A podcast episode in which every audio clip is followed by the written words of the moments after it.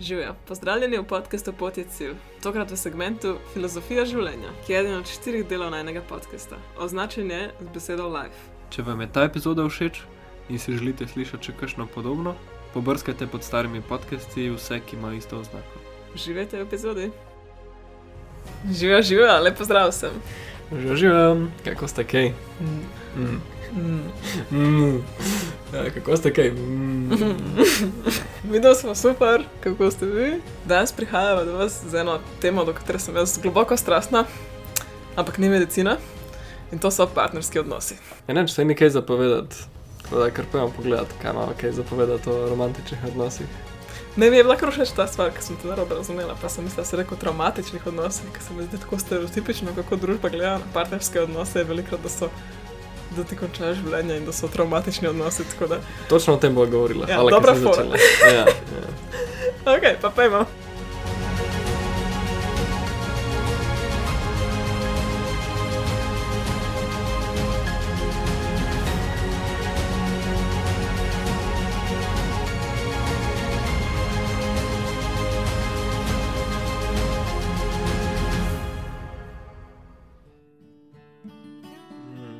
Ideja za tale podcast se je v bistvu začela, ko sem nekega večera sedela v džakuziju in gledala zvezde.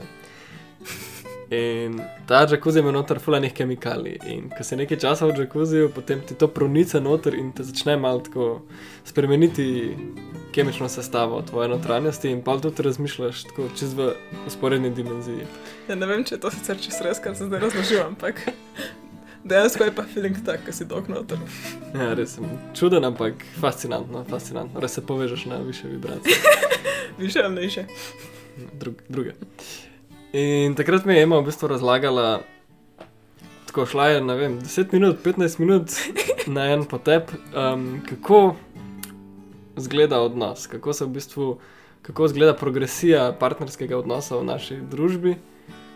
In me je čisto fasciniralo, sem samo gl- gledal in poslušal in sem, sem tako, wow, kako si to dobro povedala, ker mi govorimo to čist z drugimi besedami, opisujemo te stvari na veliko lepšen način.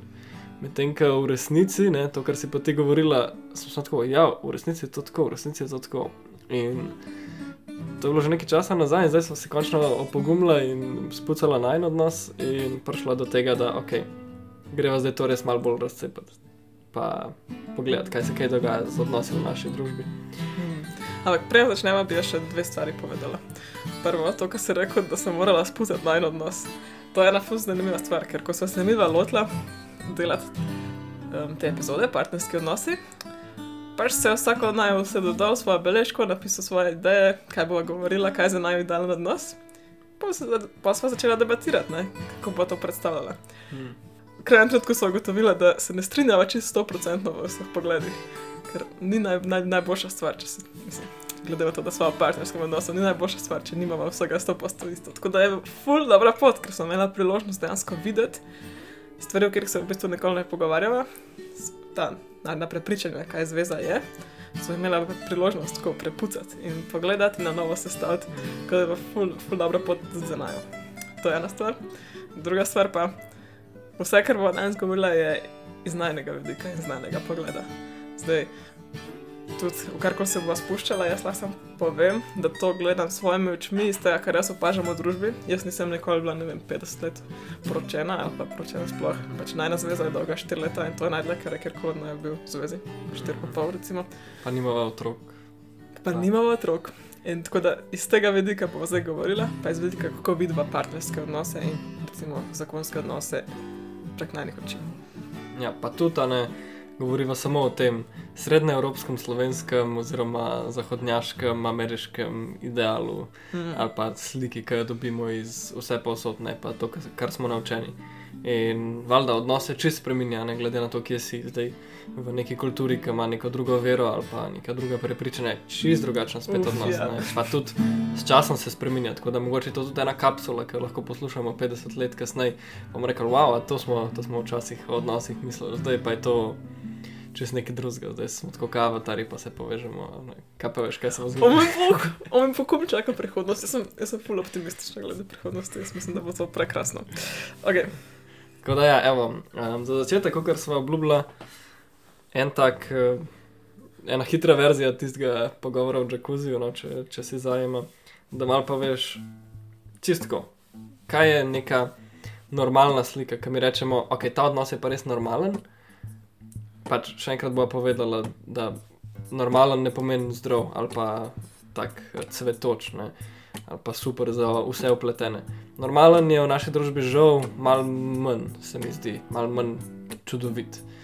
Pa lahko se samo sprehodiš um, čez kakšno idejo, pa da se malo upeljemo v to, kaj sploh mislimo s tem, ko govorimo o odnosih, pa da jih komentiramo. No. Hmm. Wow. Začne se na travniku, kjer sta ležala v maju in, in črčki. Ja, črčki so šepetali in ona mu je govorila, ljubim te. On si jo je nežno vzel. In otroka sta dobila. In, in še bolj sta se ljubila. ja, ja, tako se začne, ne pač, valjda. Nekako se zaljubiš, potem se odločiš, da boš skupaj, da boš skupaj, ta dva človeka. Po enem trenutku se mogoče odločiš, da se boš poročil. Okay. Kaj pa zdaj? Ponavadi se, se so šale na to temo, tako, dient now we're in the end game ali pa. Že tam se življenje. Poroka, konc življenja. Ja. ja, zdaj, ki si rekel now we're in the end game, dejansko moj oči ima eno majico, na kjer piše end game. Zdaj tako poroka je narisana. Žal, žalosten pogled, ampak je pa res, da naša družba to tako dojema. Ja, jaz, ko kar vidim, vedno tako gre. Valjda se zaljubiš in je fule po na začetku odnosov njemu, vidimo sam najbolj čudovito v partnerju, zato smo z njim, ker nas navdušuje, ker nas polni življenje, ker smo polni iskr za tega. In na začetku je ful lahko, ful lahko.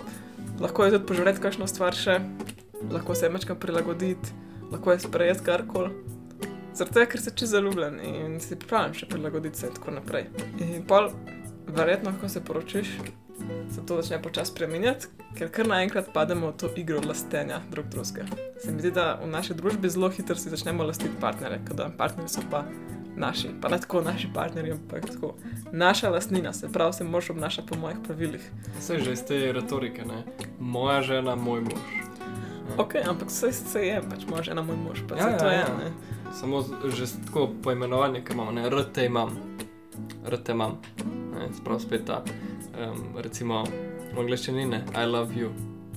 Okay. Sem jim to ljubim, te. ampak ja, vem, kaj ja, ja. misliš. Ampak tako ne, samo hočem povedati, da ta način, kako govorimo, je že tako um, privzeman, da lasništvo obstaja. Jaz verjamem, da jeziki izpred, ne vem, par tisoč let nisem imel tega, da te imam ideje. Mm. Ampak čisto kot, kot taka umemba. No. no ja. In zdaj tle vprašanje. Kako se nekemu paru zgodi, da pride iz tega?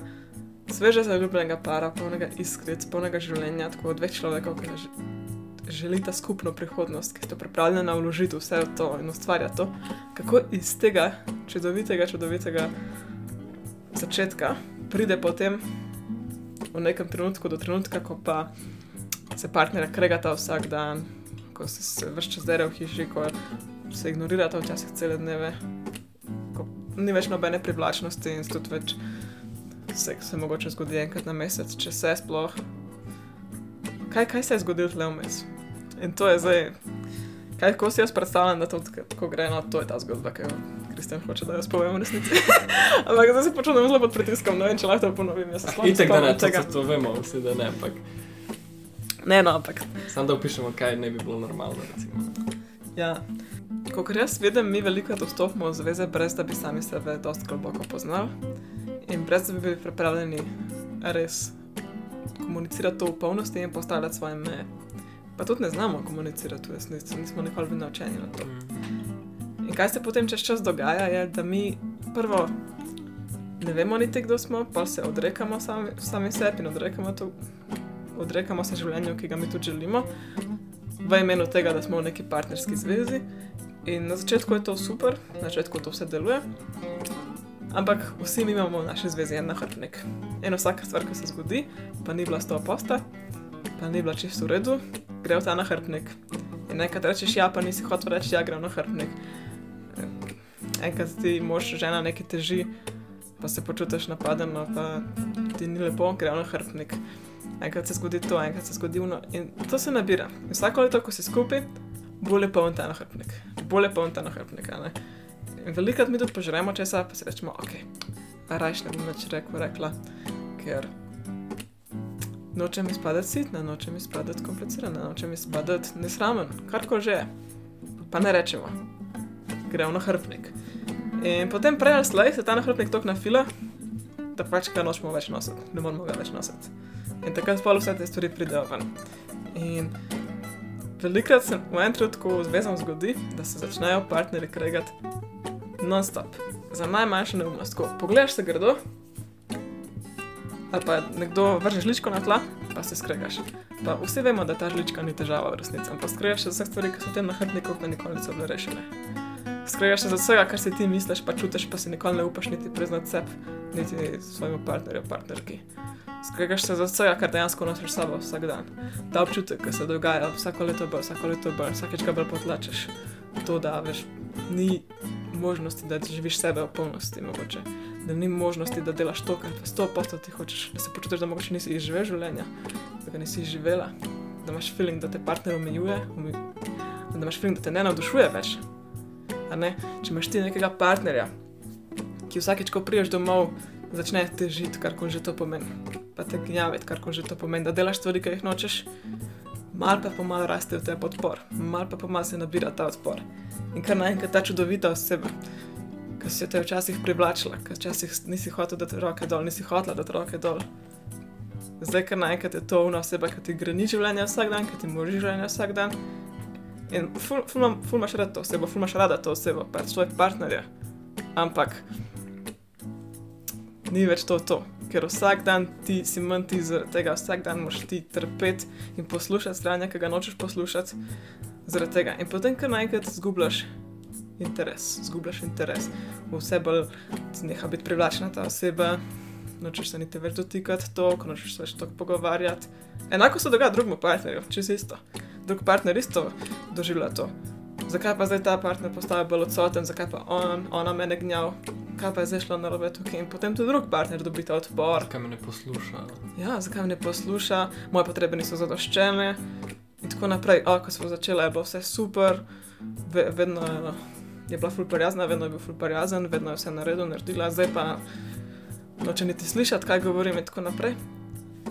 Oba imata to igro v glavi. In to se nabira, ta odpor. In počasi ta oseba, čudovita oseba, ki v te včasih požigla iskre, postane nekdo, ki v bistvu ubija, kdo ti si.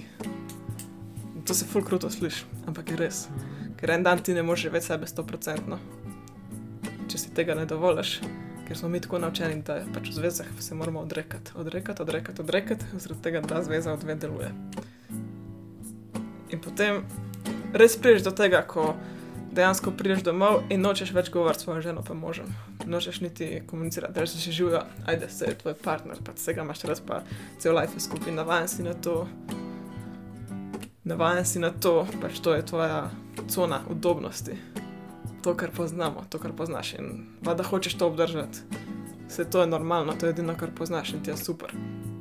Ampak postaja težje, ni več onih isker. Noben ne navdušujete več ta oseba, ne navdušujete. Kdaj si na zadnje pogledu pogledala to osebo in si bila tako, wow, o moj bog, wow, ta človek. Wow, ne morem verjeti, da obstaja nekdo tak, kot si ti. Ne morem verjeti, da sem jaz tako srečna, da sem lahko s tabo, tako srečna, da sem lahko s tabo vsak dan. To zgine. In to zgine zaradi tega, ker mi nehamo biti, kdo smo zaradi te zveze. Ker si mi ne pustimo biti, kdo smo zaradi te zveze, ker nam partner ne pusti biti, kdo smo zaradi te zveze. In to gre vse do tega na koncu, da pač postanemo praktično dva neznanca, ki živita v isti hiši. Mogoče seksati tako iz dožnosti vsake tog časa, ker je dovoljeno, da se seksa sam s partnerjem in pač sicer noben se več ne privlači s to postoglih za res, ampak ajde, se ide seksati, pa pa se to zgodi. Ampak noben ne več ne uživa tako, kot je na začetku. Ker vedno, ko seksaš, imaš zadnji un zvok. Oh, ta oseba mi greni življenje na nek način, vse rad, ful rada, ampak vse moje življenje ni perfekt zaradi te osebe. In začnemo to osebo totalno kriviti za vse in tako naprej. In ja, in potem dobimo te normalne, novodobne pare, kjer imaš ponavadi eno ženo, ki ful teži, pa enega moža, ki nikoli ne posluša, pa je emocionalno nedostopen, ali pa enega moža, ki tudi skozi pije v, v restavraciji, v baru, pa eno ženo, ki samo za otroke skrbi, pa več čas sitnar. In tako prijaš do tega, ker se te osebe začnejo oddeljevati zaradi tega, ker se ne dovolite biti kdo sta, ker niti ne veste, kdo sta. In je bilo že začetka v resnici obsojeno na propad. Noben nima niti urodij, kako se dejansko soočati s temi nahrbtniki, ki jih nosimo s sabo. Nahrbtniki nezrečenih besed, nahrbtniki vsega, kar nas moti.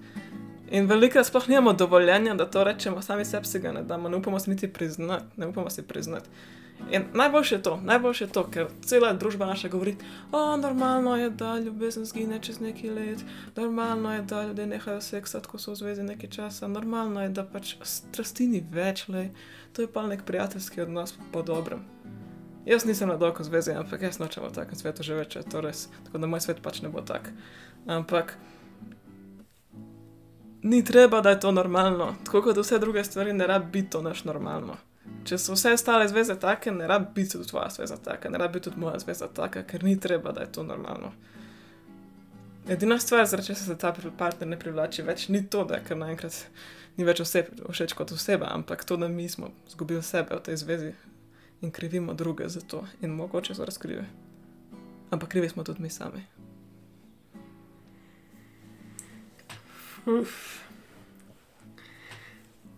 Namr si ga, namr si ga. Tako kot zadnjič, kar, kar, kar, kar je šlo glovak.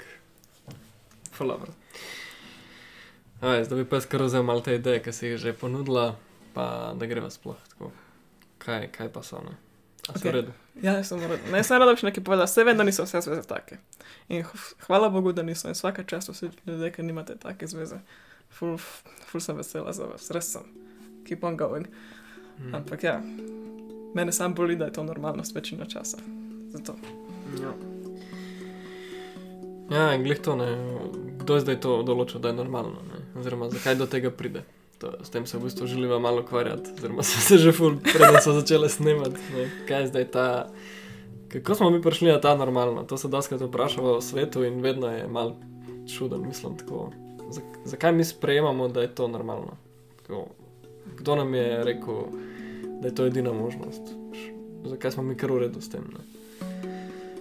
In ja, ne, kdo določa normalno, je pač ta kultura, v katero smo mi potopljeni in iz katere izhajamo.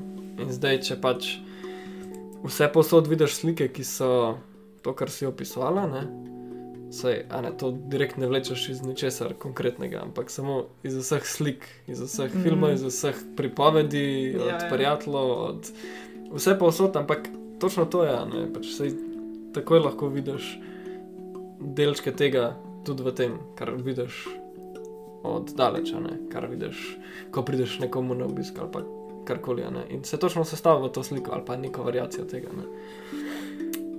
In ja, kje sploh začeti? Kje sploh začeti? Um, jaz ne verjamem, da je to ena stvar kriva ali pa ena Mm. stvar, ki to zares dela.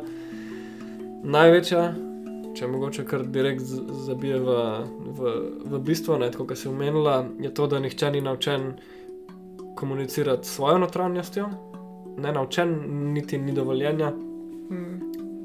In po drugi strani smo tako hitri pri tem, da pokažemo prst, da ta drugi je kriv.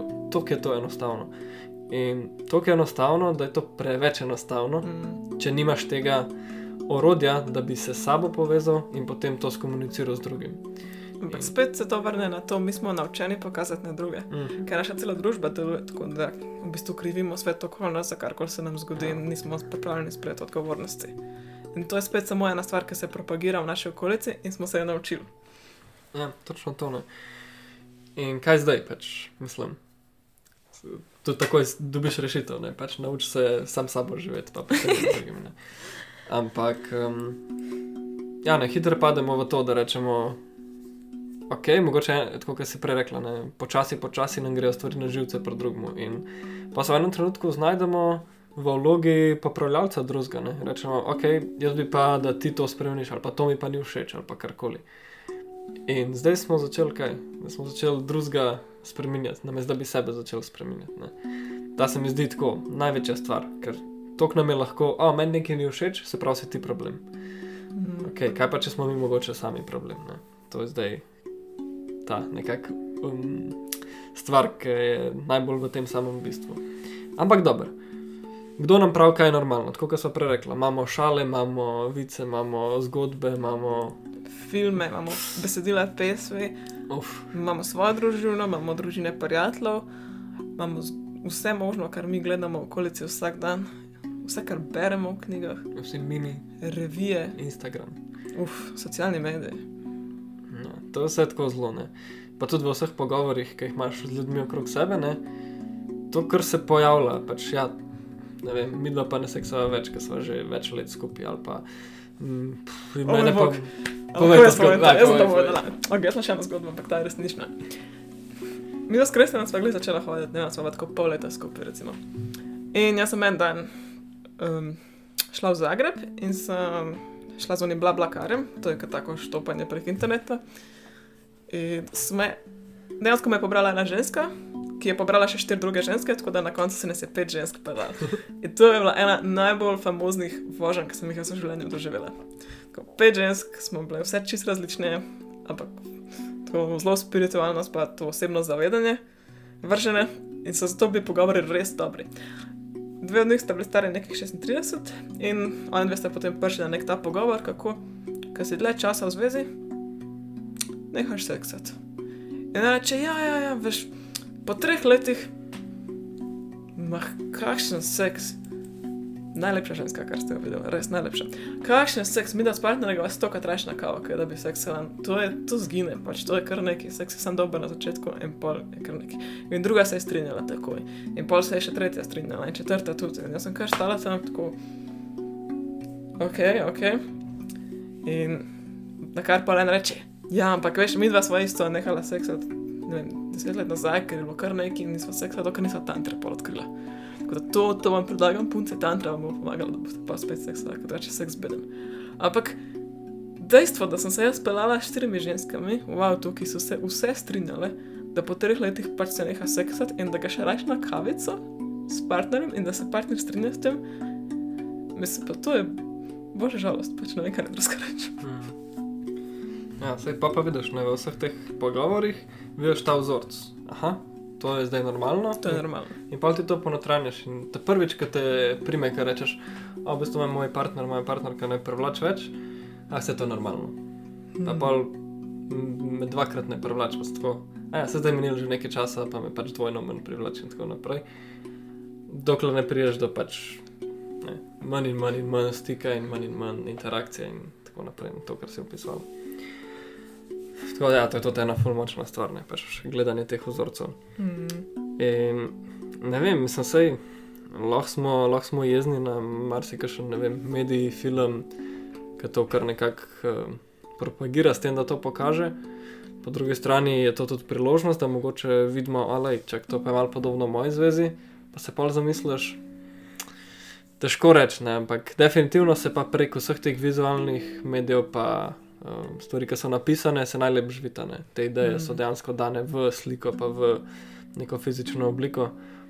In pol, pol se lahko to pogledamo in rečemo, ok, naši mediji oziroma naša kultura zgleda tako, sprav, ok, to je zdaj naša normalnost. Ne? Ja, to postanejo naši stereotipi, tako nastanejo sploh Mhm. mm. stereotipi. Mm. In mi imamo res stereotipe glede vsega, glede poroke, moških, žensk, zakona, zveze, dolgoletne zveze med otrok, kar hočeš.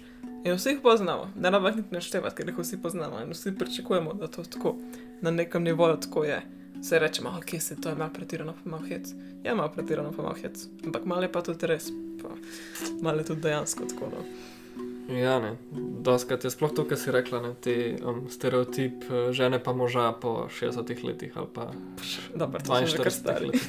Karkoli, pač takrat se sam še najbolj vidi. ne. Mm. Ampak ja, takoj se začne, ne. po desetih letih, pa po 15 še malo bolj stereo, v stereotip zajadrajo. Meni se zdi, da ne, redki so ljudje, ki jih vidim tako, stare ljudi, ki niso v te stereotipe ujeti, ki so tako v neki srečni zvezi ali pa tako, ka- karkoli že to pomeni, ampak tako, da sta oba lahko res 100% srečna.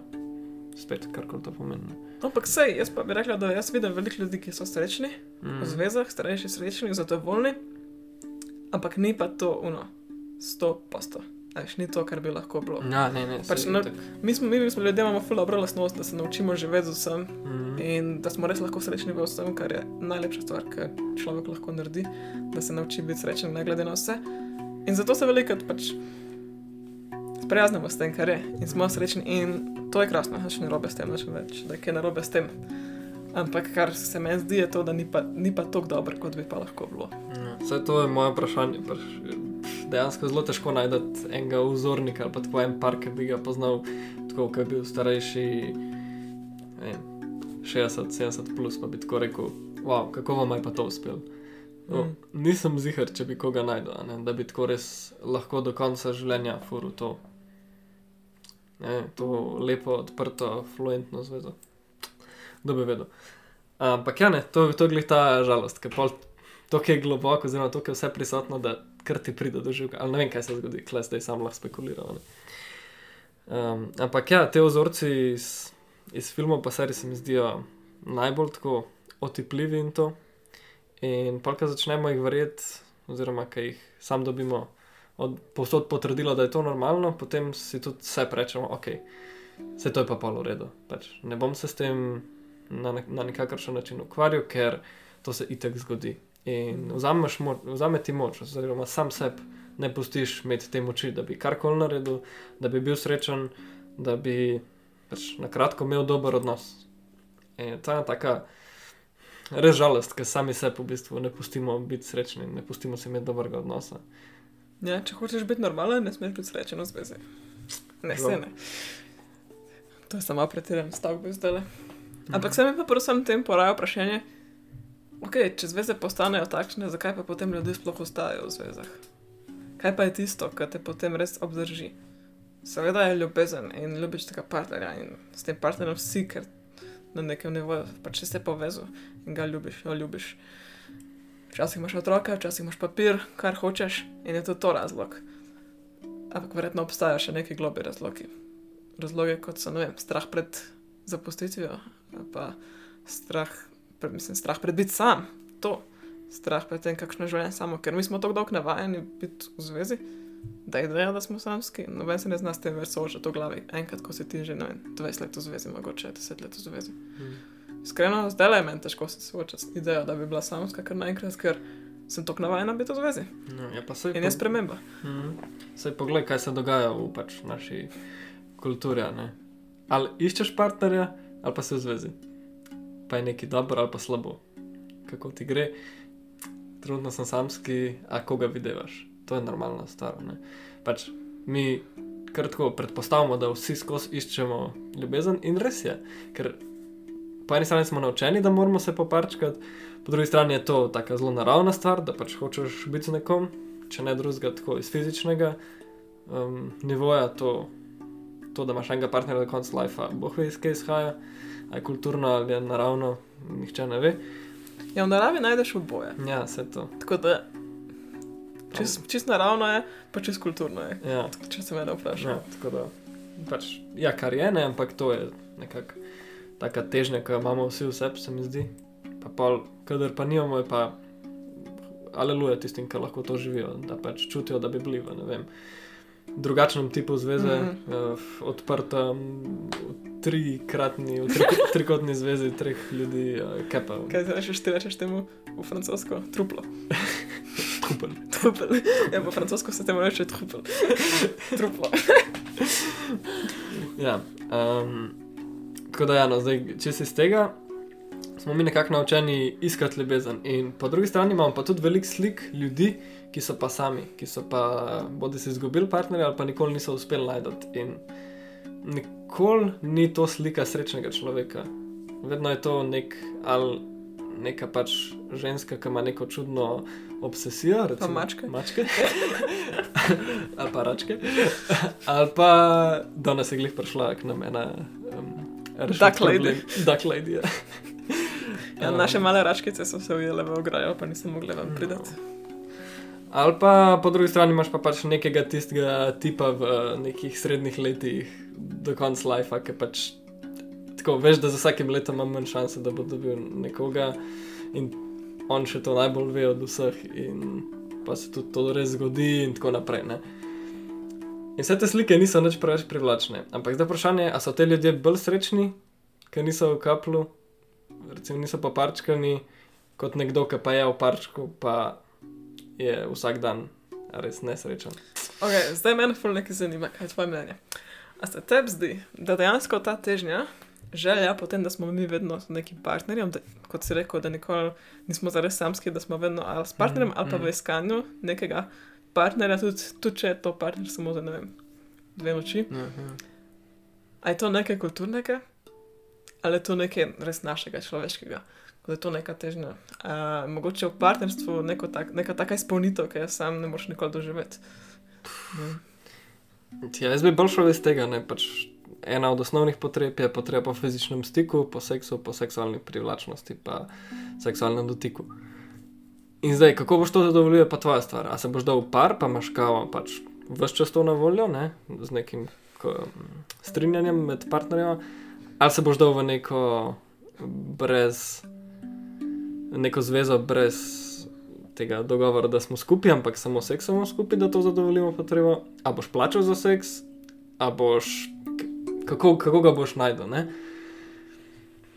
Zdaj ne vem, pač. Nekako je to ideja, da je to edini ali pa najlažji način to zadostiti. Tako mogoče je to en tak velik del, ampak. V bistvu ne moremo odgovoriti, ker sem tudi jaz produkt te družbe, ki ima točno to idejo. In težko rečem. Mhm. Tudi jaz nisem bil v vseh situacijah, se pravi, da iščem, da imam, da tako, sem full srečen sam. Pač, ne, vedno imaš to idejo, ok, zdaj sem samski, to je samo priložnost, da nekdo nov pride v moje življenje. Ne. Ne vem, mislim, ja, se, se odločiš biti sam, zato da se malo najdeš, ampak zakaj najdeš se, zato da boš pa lahko spet ne, na trgu. Tako da, In to bo tako res drugače. Najdeš se, da si lahko na trgu. tako da ja, ne vem, puf. Saj ni več kaj. Ti si zdaj omenil sam ta seks. Jaz tudi mislim, da je ta, moje mnenje je tudi, da smo mi to globoko socialna bitja, da mi rabimo deliti življenje z nekom. Gotovo, gotovo. In ali so to prijatelji ali nekaj, ampak ko imaš partnerja, je ponovadi tudi tako res ena oseba, s katerim lahko pa razdeliš življenje na Mhm. vseh nivojih. Tako da mislim, da je tudi poleg te težnje po seksualni privlačnosti tudi ta težnja po, ne, težnja po fizičnem stiku, je tudi ta težnja po deljenju življenja v dejansko tem Mhm. socialnem vidiku.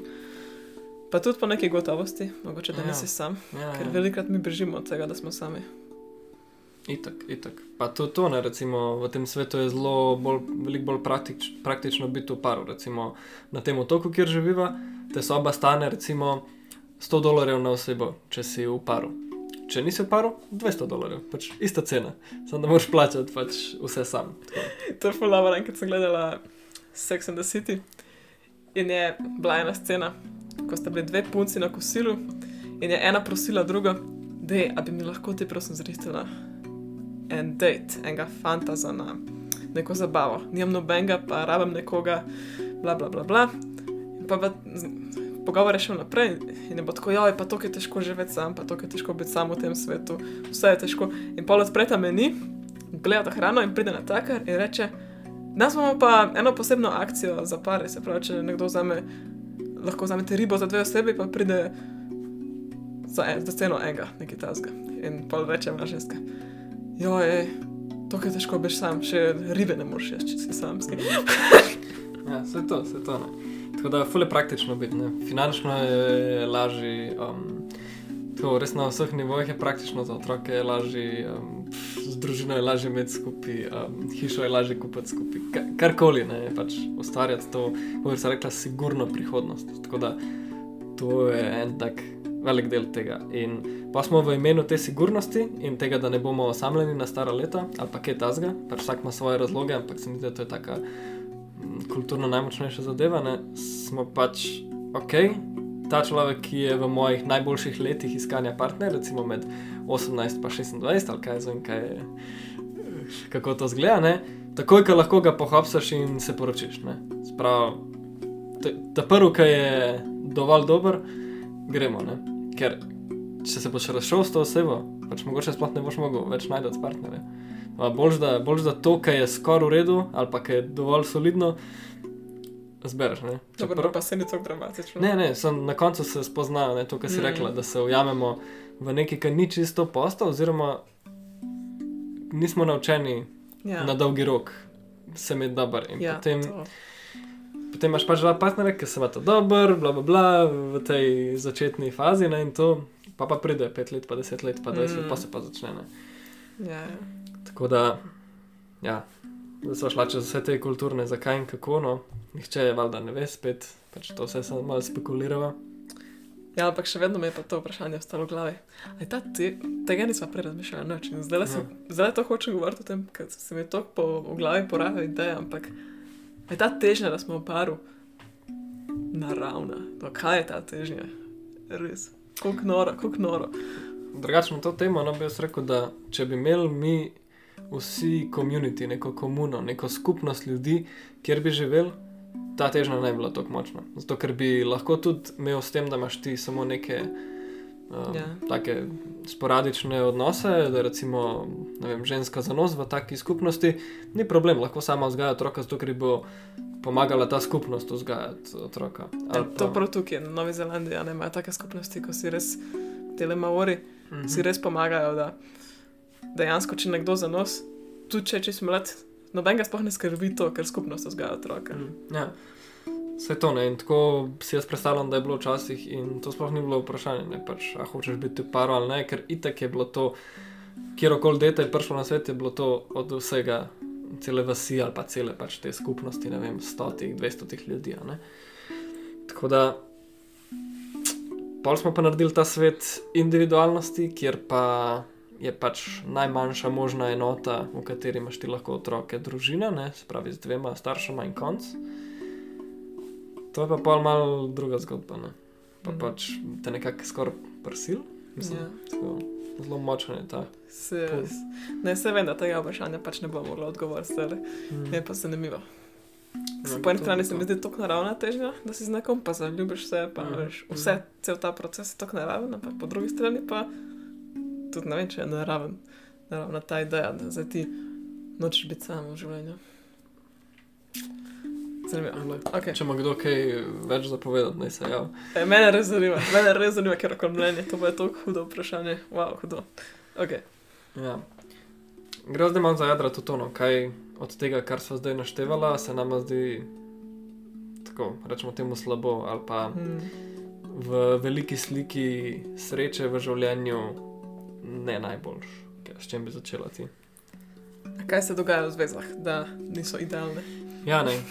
V najnem, v najnem mnenju. Kaj, najnem kaj smo mi odkrili, ali pa ugotovili, ali pa z opažanjem zaključila, Mm. mm. da to pa ni glih najboljš za vse. Okay, govoriva iz izkušenj. Se pravi, problemi se začnejo zaradi vsega naštetega, ampak meni se zdi, da ena velika je to, da, kot že našteto, ne poznamo sebe. Ne poznamo sebe in pridemo v zvezo, in pa pričakujemo, da bo ta partner nas poznal boljš, kot mi poznamo sebe, in bo že vnaprej zadovoljil vse naše potrebe, in bomo mi super srečni zaradi tega, ker bo ta partner naredil ta del, ki ga mi nismo, da bi spoznal sebe. Ja, in kot so rekla, ne, zelo hitro začnemo drugega spremenjati. In to na zelo Mm. tak, najprej mogoče subtilen način, rečemo, o meni pa to ni všeč, pol pa začnemo malo bolj tako konkretni biti. Ej, kaj pa to delaš, pač spustimo to, kako se počutimo, spustimo naše potrebe, ampak samo rečemo, ne maram tega in ne smeš tega delati. Mm. To kontroliranje, ne? to, Mhm. to se meni zdi, da tukaj pa meja. Ker normalno je, da je nekaj, kar ti mogoče ni všeč na partnerju, seveda, pa si smo različni. In zelo pristopi se meni da se o tem pogovori, da se najde neko skupno rešitev, ampak prav to, kar se ti zdaj omenil, kar se dogaja, ta kontrola, ta ukazovanje, spreminjanje, neka pričakovanja, celo da se bo pa zdaj uresničilo vse, kar si ti misliš. Ne smeš tega delati. To, to pa ni zdravo, iskreno, če se mene To je čisto ne, na enem bizarnem primeru, recimo, da en partner kadi. In ok, drugmu to ni všeč. V redu in reče, ne smeš kaditi. Kaj pa je v resnici tukaj, ne?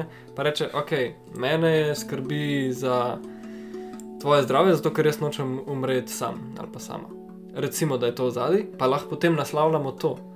Ali pa jaz ne maram, ker ti smrdi iz ust. In potem lahko še vedno ta partner lepo kadi, pa samo skrbi, da pač mu ne smrdi iz ust in bojo vsi kle srečni. Ampak mi spustimo vse ta del, kjer bi se lahko pogovarjali, kjer bi lahko naslavljali naše potrebe, pa gremo samo na strategije, kako bomo zadovoljili naše potrebe in rečemo, ne smeš. In vedno, kar rečeš, ne smeš, ali pa to ni dovoljeno, ali pa tega nočem več videti v naši hiši, kar, karkoli tazga, se v, tebi ustvari en tak odpor totalen odpor in gnus, in začne se ti mm. gabati ta oseba, ker zadnja stvar, ki jo vsak človek hoče, je, da mu nekdo ukazuje, da mu pove, kaj lahko, pa kaj ne. Če je to država ali pa če je to tvoj partner.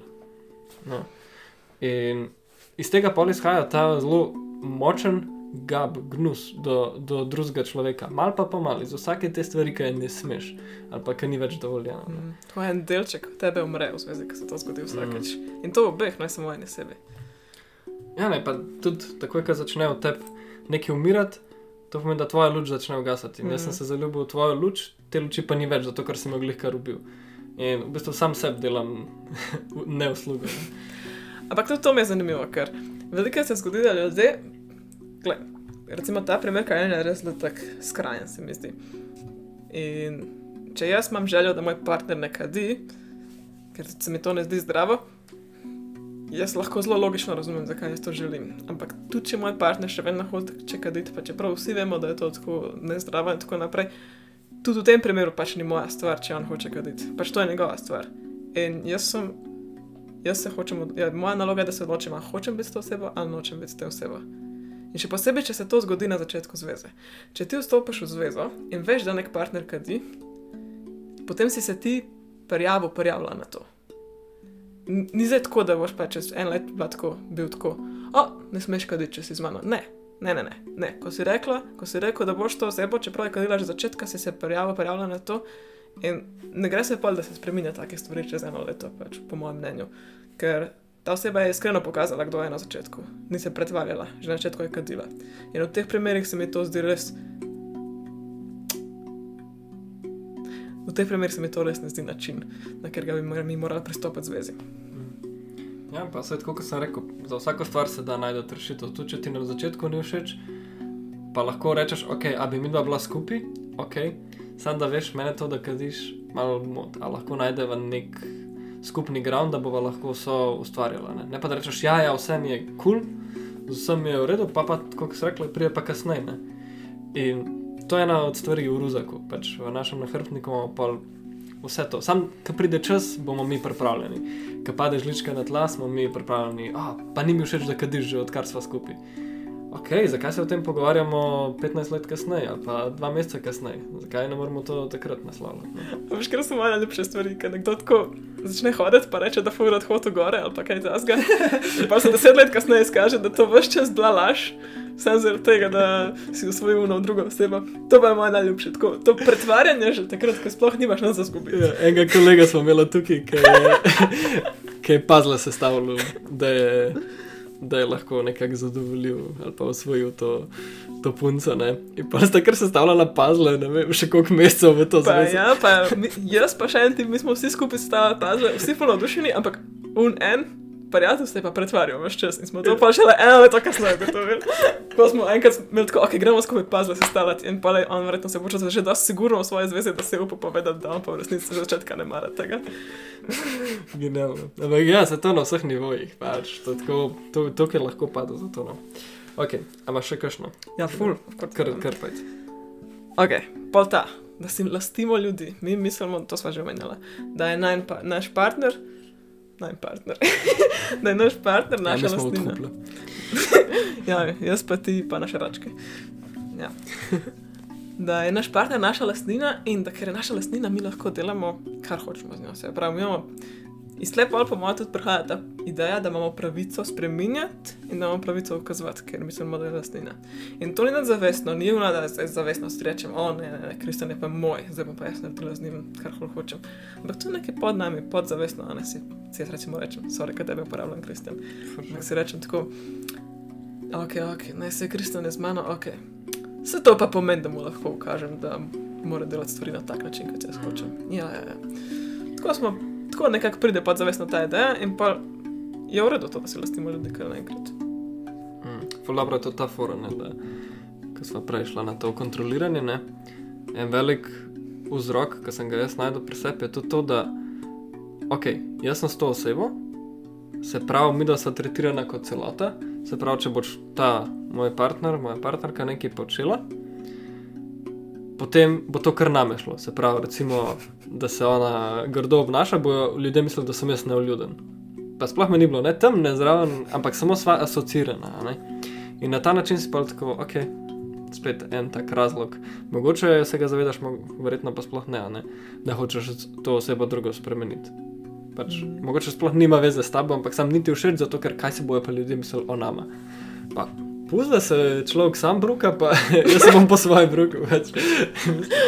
Ampak to pa fulka slišim, kar si zdaj rekel. Prvo ta ideja, res, da ko si ti z nekim partnerjem, mora ta partner biti zgleden za družbo, zato da boš ti lepo sprejet v družbi, ker of course moramo imeti nekega čudovitega partnerja, ki se vedno popolno obnaša, ker to daje sliko o nas, da smo mi Mm. čudoviti in v popolnem razmerju.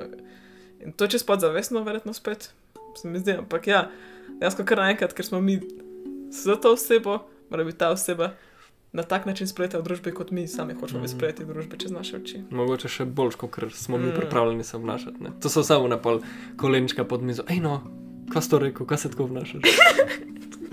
Nekaj je z rokami. Fulova zgodba, moja starša sta bila enkrat na večerji nekje in je bila steklena miza. In pol ima bilo dolg čas in sta hodila domov. In sta začela se tako kolenčka, da gremo domov, ampak je bila steklena miza. ne rada, ima moja starša. Okay. Kul, cool. kaj imaš še kaj? Ja. Ja, pa to. Ena stvar, ki jaz opažam, da se ful zgodi, tudi meni, je to, da krivimo partnerja za vse stvari, ki grejo na robe. Ali pa za vse, kar smo sami krivi, ali pa za vse, kar nočemo sploh. Ker tako, nima veze, pač jaz se počutim, nek, nek občutek pride v meni, ok, v course, da je partner kriv in potem vse to se krivi na partnerja, sprav na partnerja. In poleg tega pride še do tega, da mi kar stvari iz druge, se pravi, recimo iz službe, iz drugih odnosov, iz kjerkoli vlečemo to zvezo in pa spravljamo na partnerja. Smo na koncu je ta partner nek smetnjak za vse naše občutke in vse stvari, ki jih mi ne znamo sami predelati in dati ven. Hmm. V bistvu na nek način kombinacija smetnjaka in terapeuta. Mhm. Ja, to je ful zanimivo, tudi jaz to zelo odkrivam, pa skupaj odkrivam, pač kje je ta meja, ne? Um, kdaj je dost, kdaj je. Kdaj nekaj samo obvestiš nekoga, malo updateš svoje življenje svojemu partnerju, pa kdaj v bistvu se ti zdraviš s tem, da govoriš. Mm. Mm. In pa sem jaz čez odkril, ja, pač, če jaz se počutim, da recimo, ne vem, je šlo to pregloboko ali pa da se vrtimo v krogih zelo, pa le rečem, ok, ima, to se ti dogaja, pet meditirati ali pa pet delati sama sabo. Ne.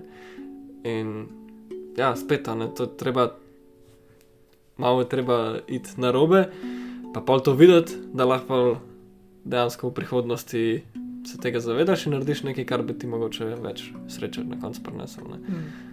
Ali pa ohranil to avtonomijo, da ja, skupaj delamo življenje, ampak vsak je pa zase odgovoren na koncu koncev. In tudi to, a ne se mi zdi zelo hitro pademo v to, da si mislimo, da smo mi odgovorni za srečo drugega. Sprav, nekdo se slabo počuti, Mm. to smo imeli zadnjič spoznanje tedna, nekdo se slabo počuti. In ta drug si misli, da nekaj sem jaz narobe naredil, da jaz sem kriv, oziroma jaz sem odgovoren, da bo pač ta oseba spet srečna. Ne? In ja, ampak niti ne, ne. Pač lahko vprašaš tega človeka, a si sploh nesrečen kot prvo, včasih kar ugibamo, da je človek nesrečen, takrat, ko je zamišljen ali pa samo presenečen ali pa preveč stvari ima v življenju. Vprašaš, a si nesrečen? Ja, ok. In zdaj pa kar misliš, ja, pa sem pa zihar jaz nekaj naredil, zato ker kaj. Ti si edina oseba v tem življenju. Ne, najprej ima sam sebe, sama sebe, pa pa še milijon ljudi, s katerimi ima interakcijo vsak dan. Zakaj bi bil glih ti, ta človek? Ne? Ker pač nismo naučeni, da smo transparentni, nismo naučeni, da če je nekaj narobe, to naslovimo, ampak smo naučeni vse to shranjevati za pol, za kasneje, takrat, ko se bo vredno skregati. ne. Hmm. Ja, in še za konec, kar se mene tiče vseh teh grešnih stvari, ki, jih, ki se v zvezi dogajajo, bi rekla to, kar je nekako skupaj kot vsega, kar smo do zdaj naštela. In to je, da zatiramo svojega partnerja na način, da potem res neha biti kdo je. Da ne pustimo, da je kdo je. In velikrat se mi zdi, da to izhaja prav iz tega straha pred zapustitvijo ali pa straha za vrnitev, ali pa straha, da mi nismo dovolj. Ker kar naenkrat se pa zgodijo situacije v življenju, ko mogoče čez podzavestno in verjamem, da velika dejansko je podzavestno, mi naredimo odločitve ali pa vplivamo na partnerja, hočemo vplivati na partnerja na tak način, da pa njegova lučka ne sveti ali pa njena lučka ne sveti več tako močno kot je včasih, zato ker se tako počutimo varni. In to nam daje sigurnost, da bo ta partner nekako ostal z nami.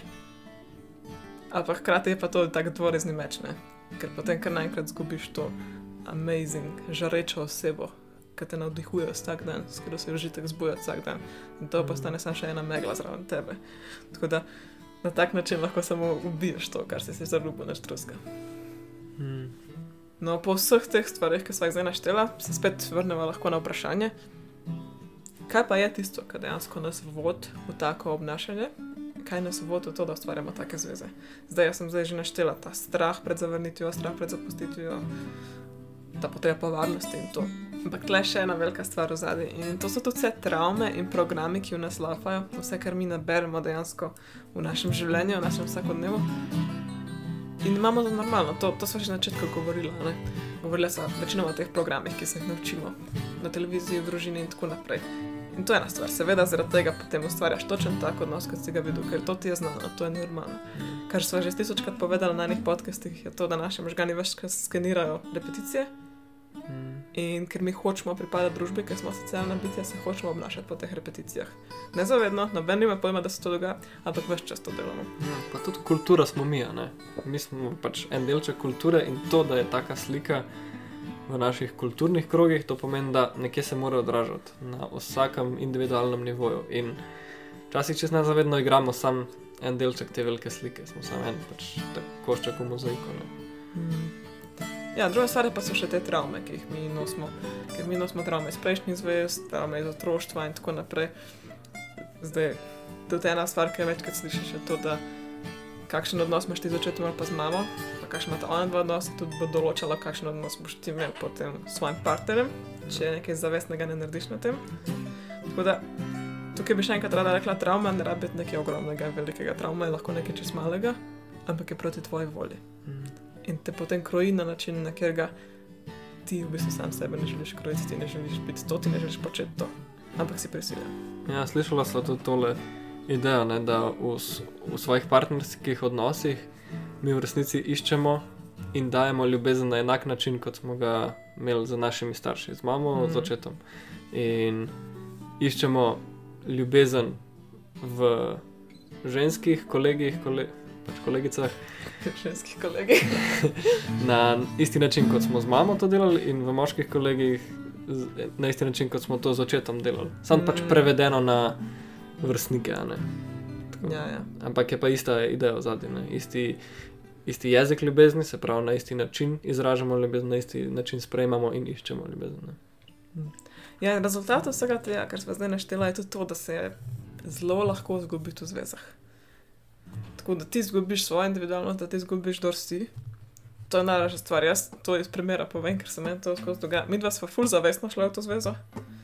Pa sem tako, ok, bova ful padla na te stvari, pa so vseeno tako padla po vsej dolgi črti in potem V easy. v problema. Ja, in smo se potem mogla ful dobro sestaviti na res dober način. To je bila najboljša stvar, ki se nam je zgodila, ampak S takimi globokimi lekcijami, ne, dejansko ni to šlo samo preko razumevanja. Šlo je preko tega, da je mogel, recimo, ne vem, neki, neka ideja se totalno razbliniti v tvoji glavi in pa je mogel nekdo priti z nekim res genialnim prebliskom in bi tako, ok, lej, bum, to je. To je fora, zdaj pa na primeru Ja. ja. vidiš, kaj smo v bistvu govorili vse čas, pa kaj je bilo ta. Ja, se to, ne. Ta ideja, da sploh prideš s tem genialnim pribliskom, da najdeš, kaj je problem spodaj, pa kaj se več čas dogaja, to je težka stvar. In genialno je to, kar se zdaj, pa kaj sem rekla, da dejansko mi, da smo racionalno vedela, da se to lahko zgodi zvezi, da se to dogaja zvezi in so bila kao bova pazila, da se to ne bo zgodilo in bova pozorna na to, pa so vseeno padla. Ampak, pa je pa tako, ne, da če ti parata nazaj sestaviti, vsaj kar se naj tiče, pa top, si pa na novem nivoju, ne, pač si pa nekako šel čez to in ker se najmanjša stvar pokaže, si že tako, ok, ja, pač to že znava, to, to so že živela praksa. Ne. Tako da, ne vem, prijemo spet do tega, ne, da če mogoče gremo malo na to, kaj je za naju um, dober odnos, oziroma kaj so pomembne stvari v dobrem odnosu. Ej, bi jaz rekel, da najpomembnejša stvar je dejansko videti svoj vzorec, pa si priznati, da nekaj pa ne štima. Kar je itak vedno najtežji korak. Pač. Lahko je gledati druge, pa se na kavici s svojim partnerjem na meseksu pogovarjati o tem, kako drugim parom ne gre dobro, le ko gre pa nama dobro. Pa pa da v bistvu rečeš, a samo v bistvu ne, klepa je neki. Pa včasih je to tako organski proces, da pač sam priješ do tega, pa tako, ok, wow, le to pa res ni, ampak še bolj pogosto bi pa jaz rekel, da je to ena stvar, neka. Neka taka za, začetna točka ali pa neka, nek dogodek, neka oseba, kaj pa veš, kaj nekaj, ki uleti, ki nekako zmot procesa in potem te malo ven vrže in potem si takrat primoran, prisiljen ali pa samo imaš priložnost to videti kot, ok, jaz pa zdaj nekaj učim oziroma nekaj je treba narediti drugače. ne. Tako da ta, ta se mi zdi itak najbolj pomemben korak za vse, to se tiče, kar se tiče nas samih in kar se tiče partnerja. ne. Okay, če pa kar nešteva, kaj se nam zdi ful pomembno za zvezo, razen tega še. Ja, kar. Kar. Okay, meni se naj, kot že omenjeno, najpomembnejša stvar zdi to, da poznaš sebe. Mm. In posledično, da si vedno 100% ti v zvezi. Da tudi včasih je treba res prilagoditi v zvezi, ker se je to dogovor med dvema in se pač najde nek način, se skomunicira na lep način po potrebah in z vsem, kar res čutimo, da se zadovolji našo potrebo čim bolj, da smo res čim bližje temu, da vsak trenutek živimo 100% sebe. Ja, zato, ne, če se vam to zdi preveč v oblakih te ideje, se pravi, kako ne sploh vem, kaj jaz hočem, oziroma ugotoviti sam pri sebi, kaj jaz rabim v življenju, pa potem to še skomunicirati na način, ki ne bi drugega napadel, pa ne bi drugega občudoval, tudi občudoval, obtoževal, kritiziral in tako naprej. Je pač težko, ker nismo naučeni tega. Nihče ne govori na tak način, vedno govorimo tako, kot smo rekla, v tem, kaj je z drugimi narobe in takem, na tak način govorimo. Ne. Ampak mi, da smo pa najdla to, kar smo že verjetno doskrat omenila, nenasilno komunikacijo, ki v resnici pomaga 100%. J- Jaz lahko trdim, da zaradi tega znanja najna zveza na res, res novem nivoju, res tako super funkcionira in tudi, kadar nekaj ni v redu, se je preprosto vrniti nazaj dol in rečeš, ok, kaj je znotraj mene, kaj jaz čutim in kaj jaz rabim. In vedno govoriš samo o sebi, vedno izhajaš iz sebe, ker to je edini prostor, kjer lahko karkoli rešimo. Čim se začneš z drugimi ukvarjati, ne boš rešil problema, ker bo vedno ostala ta potreba nezadoščena znotraj tebe. In ja, da si sposoben to dejansko povedati brez, brez nasilnega govora, pa si zmagal, pač. pa je to to. In če kdo to si želi poskusiti ali pa se malo naučiti, pa potem probati v praksi, kako dobro deluje, bova spodaj dala tudi linke v opis, pravi povezave na najne te prejšnje podcaste, ker sem naredila serijo ja, petih delov, ker so nekako razčlenila najno delavnico, ki jo delava včasih v živo. Pa vem, se, se, se, lepo majte na uživite, pač pripravite se, da se vaše življenje spreobrne. Mm, nice. Ja, in z tega sledi tudi to, da ena od res osnovnih kvalitet dobrega odnosa z nami je to, da se upošteva potrebe obeh. Sprav mene in tebe, ne samo od drugega, ampak tudi od sebe.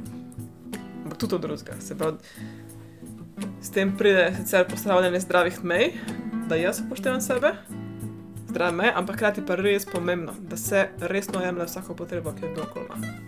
Mm. Pa ja, naše potrebe se doskrat najlepše vidijo v našem partnerju, pa v ljudeh okrog sebe. Ne? Ker ljudje, ki jih imamo okrog sebe, so najlepša ogledala in če smo se sposobni takrat, ko nas nekaj zmoti, vprašati, kje potrebo pa jaz imam, ki, je, ki ni zadoščena, pač nobena, nobena oseba te v bistvu več ne iztiri, ne moreš biti kar jezen na nekoga, ker ti samo si jezen ali pa samo čutiš nekaj zelo močnega.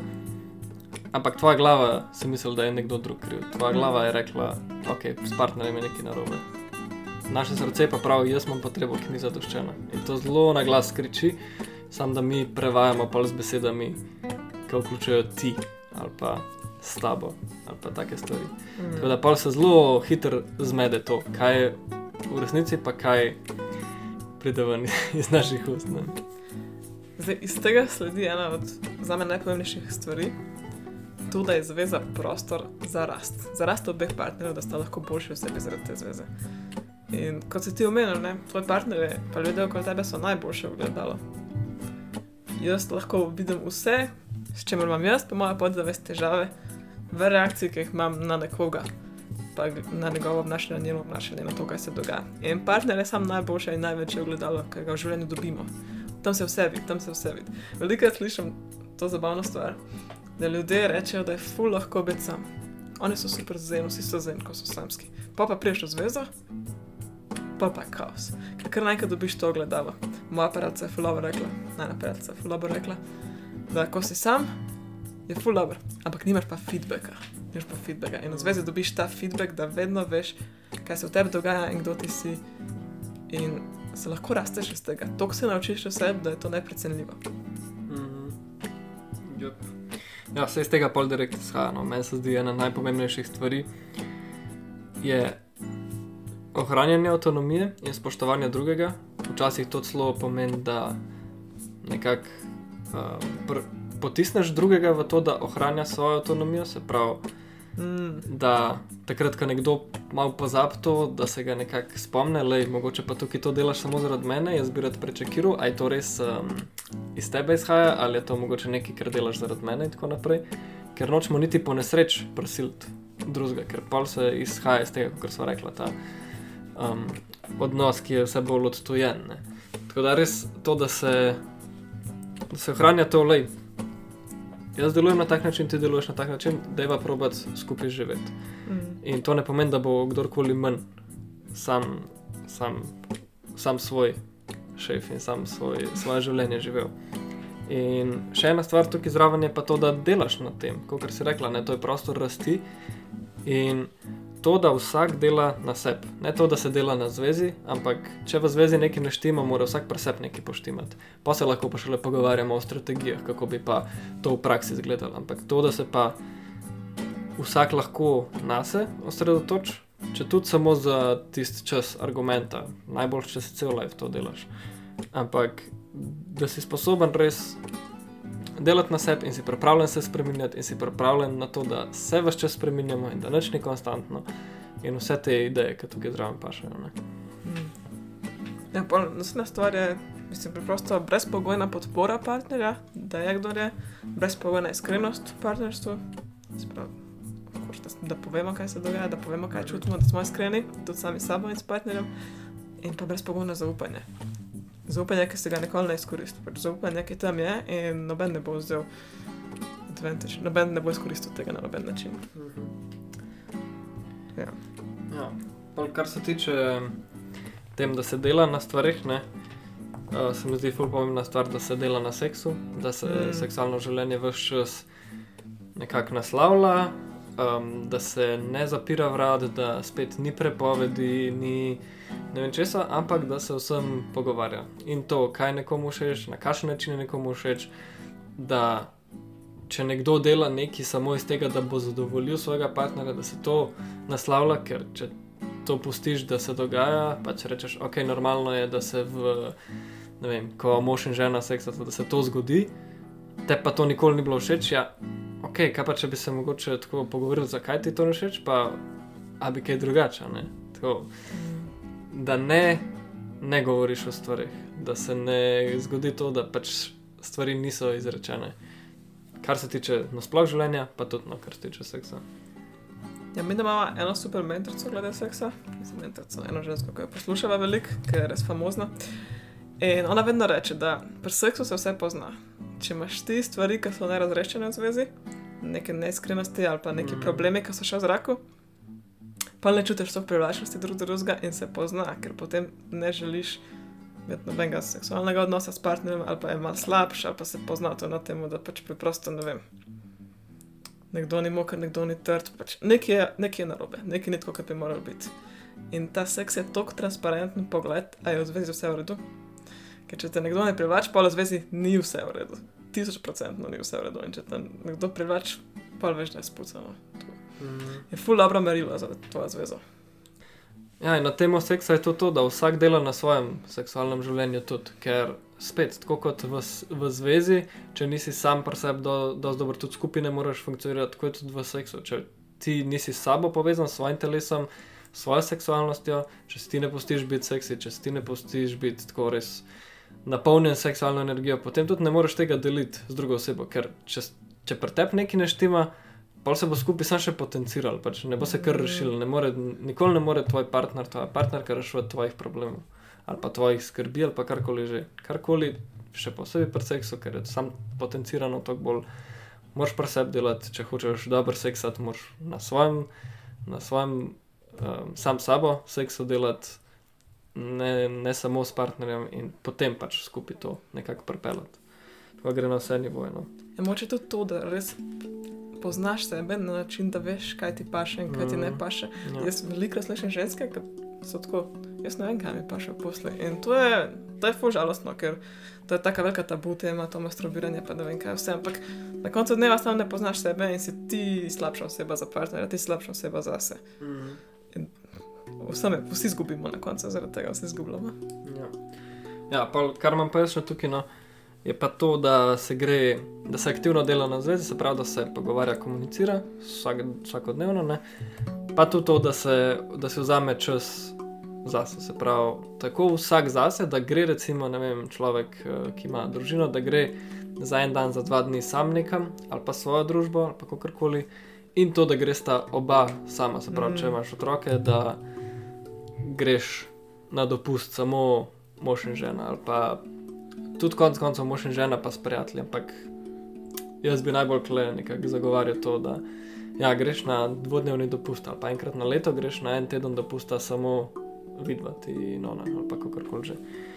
Tako da to, no, to se mi zdi ful pomembno, ker to se lahko v življenju ujet v rutino, da pa kar pozabimo živeti, pa se kar zgubimo, no. prelahko se izgubiti. Prelahko. Ena pomembna stvar, ki sem jaz tudi ugotovila, to, da mi imamo neko univerzalno predstavo, kaj partnerska zveza je in kako bi morala biti. Ampak v resnici je partnerska zveza samo dogovor med dvema partnerjema, nič več. In ne rab biti univerzalno takšen, kot vem, mi imenujemo partnerska zveza. Ta dogovor je med, ne vem, mano pa tabo, med njo pa njim, med njo pa njo, med njim pa njim, karkoli. In karkoli je ta dogovor, to je tvoja partnerska zveza. In ti ustvarjaš svojo partnersko zvezo. Lahko ustvariš točno takšno, kot hočeš, ne rabi biti takšna, kot smo se zdaj pogovarjali, da smo si odnosi, ko potem postane slabša, ali pa da sledi vsem pravilom, ki jih imamo v tej družbi. Pač ti ustvarjaš svojo zvezo, greš vase, vidiš, kaj hočeš, in tvoj partner naredi enako, in potem se na ta način ustvarja zveza. Oh, mogoče bi pa zaključila vse to še s parimi stvarmi, ki sem se jih letos naučila v najni zvezi in so res, no pa ne niti v najni zvezi, v najni zvezi pa tudi v zvezah okol in se mi zdijo res tako, wow, res so mi odprli oči. Um, ena od teh je to, kar skozi govoriva, da je treba biti 100% ti v zvezi. Ker če nisi 100% ti v zvezi, se bo to prej ali slej nekje poznalo, ker mi imamo potrebo potem, da živimo 100% na sebe. Mi nujno rabimo to. In ko nekdo ne more sebe 100% živeti, pa bo to iskal zunaj, iskal bo nekaj druge. Ker še en del se ne more živeti, se pravi, mogoče bo en partner šel v pitje zaradi tega, v kakršne koli obsesivno obnašanje, ker pač rab živeti ta del sebe, ki ga nima priložnosti v zvezi. Moče ima kakšne fantazije, ki jih ne more živeti, pa si niti ne upa izraziti sam, ker je družba takšna, da pač to ni sprejemljivo, ne? Ampak vedno bo to človek potem iskal nekje druge. In to lahko pride do te, do, do te mere, da se potem zgodi varanje. In varanje se zgodi izključno zaradi tega, ker ti rabiš nekoga, da lahko 100% živiš sebe, da dopolniš ta delček, ki manjka. In ta misel, ta misel mi je vedno famozna. Wow. Varanje je rezultat tega, da mi hočemo živeti 100% sebe in da nimamo priložnosti to zvezo včasih početi in zato iščemo nekoga, s komer bomo lahko živeli to 100% sebe. Noro. In tukaj bi raš to menila, da zveza je vedno sestavljena iz dveh ljudi ali pa kogarkoli je pač že v zvezi, ampak rečemo dveh. In karkoli se v zvezi zgodi, sta odgovorni obe osebi. Ni ena. Ni ena kriva in grozna in obupna, in druga je pa oseba, je pa ne vem, angelček. Vedno, do česar koli pride, vedno obe osebi to producirate. In varanje je taka težka tema v zvezi, eh, v svetu, je tudi v zvezi, of course, to ni nekaj, kar kdorkoli želi, čeprav spet naša družba to normalizira, kot da je pa to nekaj v redu, kar absolutno ni. Ker pač, mislim, to je samo ja, nima niti veze, ampak se vemo, to ni nekaj, kar je iskreno, tako da ne želimo tega. Ampak kar jaz hočem povedati, je to, da velikokrat se zgodi, da nekdo vara in potem rečemo, ok, ta oseba je obupna in druga oseba je grozna, e, je pa boga in tako. Ampak obstaja varanje na različne načine. To sem jaz opazila, to sem jaz slišala in ugotovila, da ti lahko varaš človeka, ker si čustveno odsoten, recimo. Pač nisi sto pa sto odvezi, ni tebe, ker delaš seksualno abstinenco. Ok, se pravi, tvoj partner ne more s tabo seksati, ker se ti odločil, ker ignoriraš svojega partnera. Vse to so neke forme varanja, vse to so neke forme nezvestobe v zvezi in ne predanosti te zveze. In vedno na nek način, ko, če, ko neka zveza ne funkcionira, se vedno na nek način pokaže ta nezvestoba.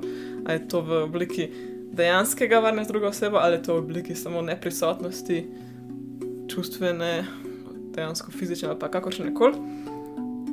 Ampak vedno to ustvarjata oba partnerja skupaj. Oba partnerja skupaj. Ja, to je to, če bi s tem se zaključila. Ja, kul. Cool. Mene zanima, kaj skaj, kakšne imate kaj občutke v tem, kar sva govorila. Kaj strinjate, a se vam kaj zdi, da sva čez grešila? A imate kakšne svoje nasvete, uvide? Delite to z nama. Mene fa zanima, res iskreno. A je, a je kdo dobil to reakcijo strahu, zdaj, ko sva govorila? Da je nekaj ful strašnega na tem, ker se odpirajo teme, ki so zelo nevarne. Hmm. Veliko poguma vam želiva, če boste se lotili odpiranja teh vrat. Noč ne robe, to je samo genialna priložnost. Pa res je dober. Res tako, evo, mi dva srca pove, jaz povem srca, ti lahko svoje.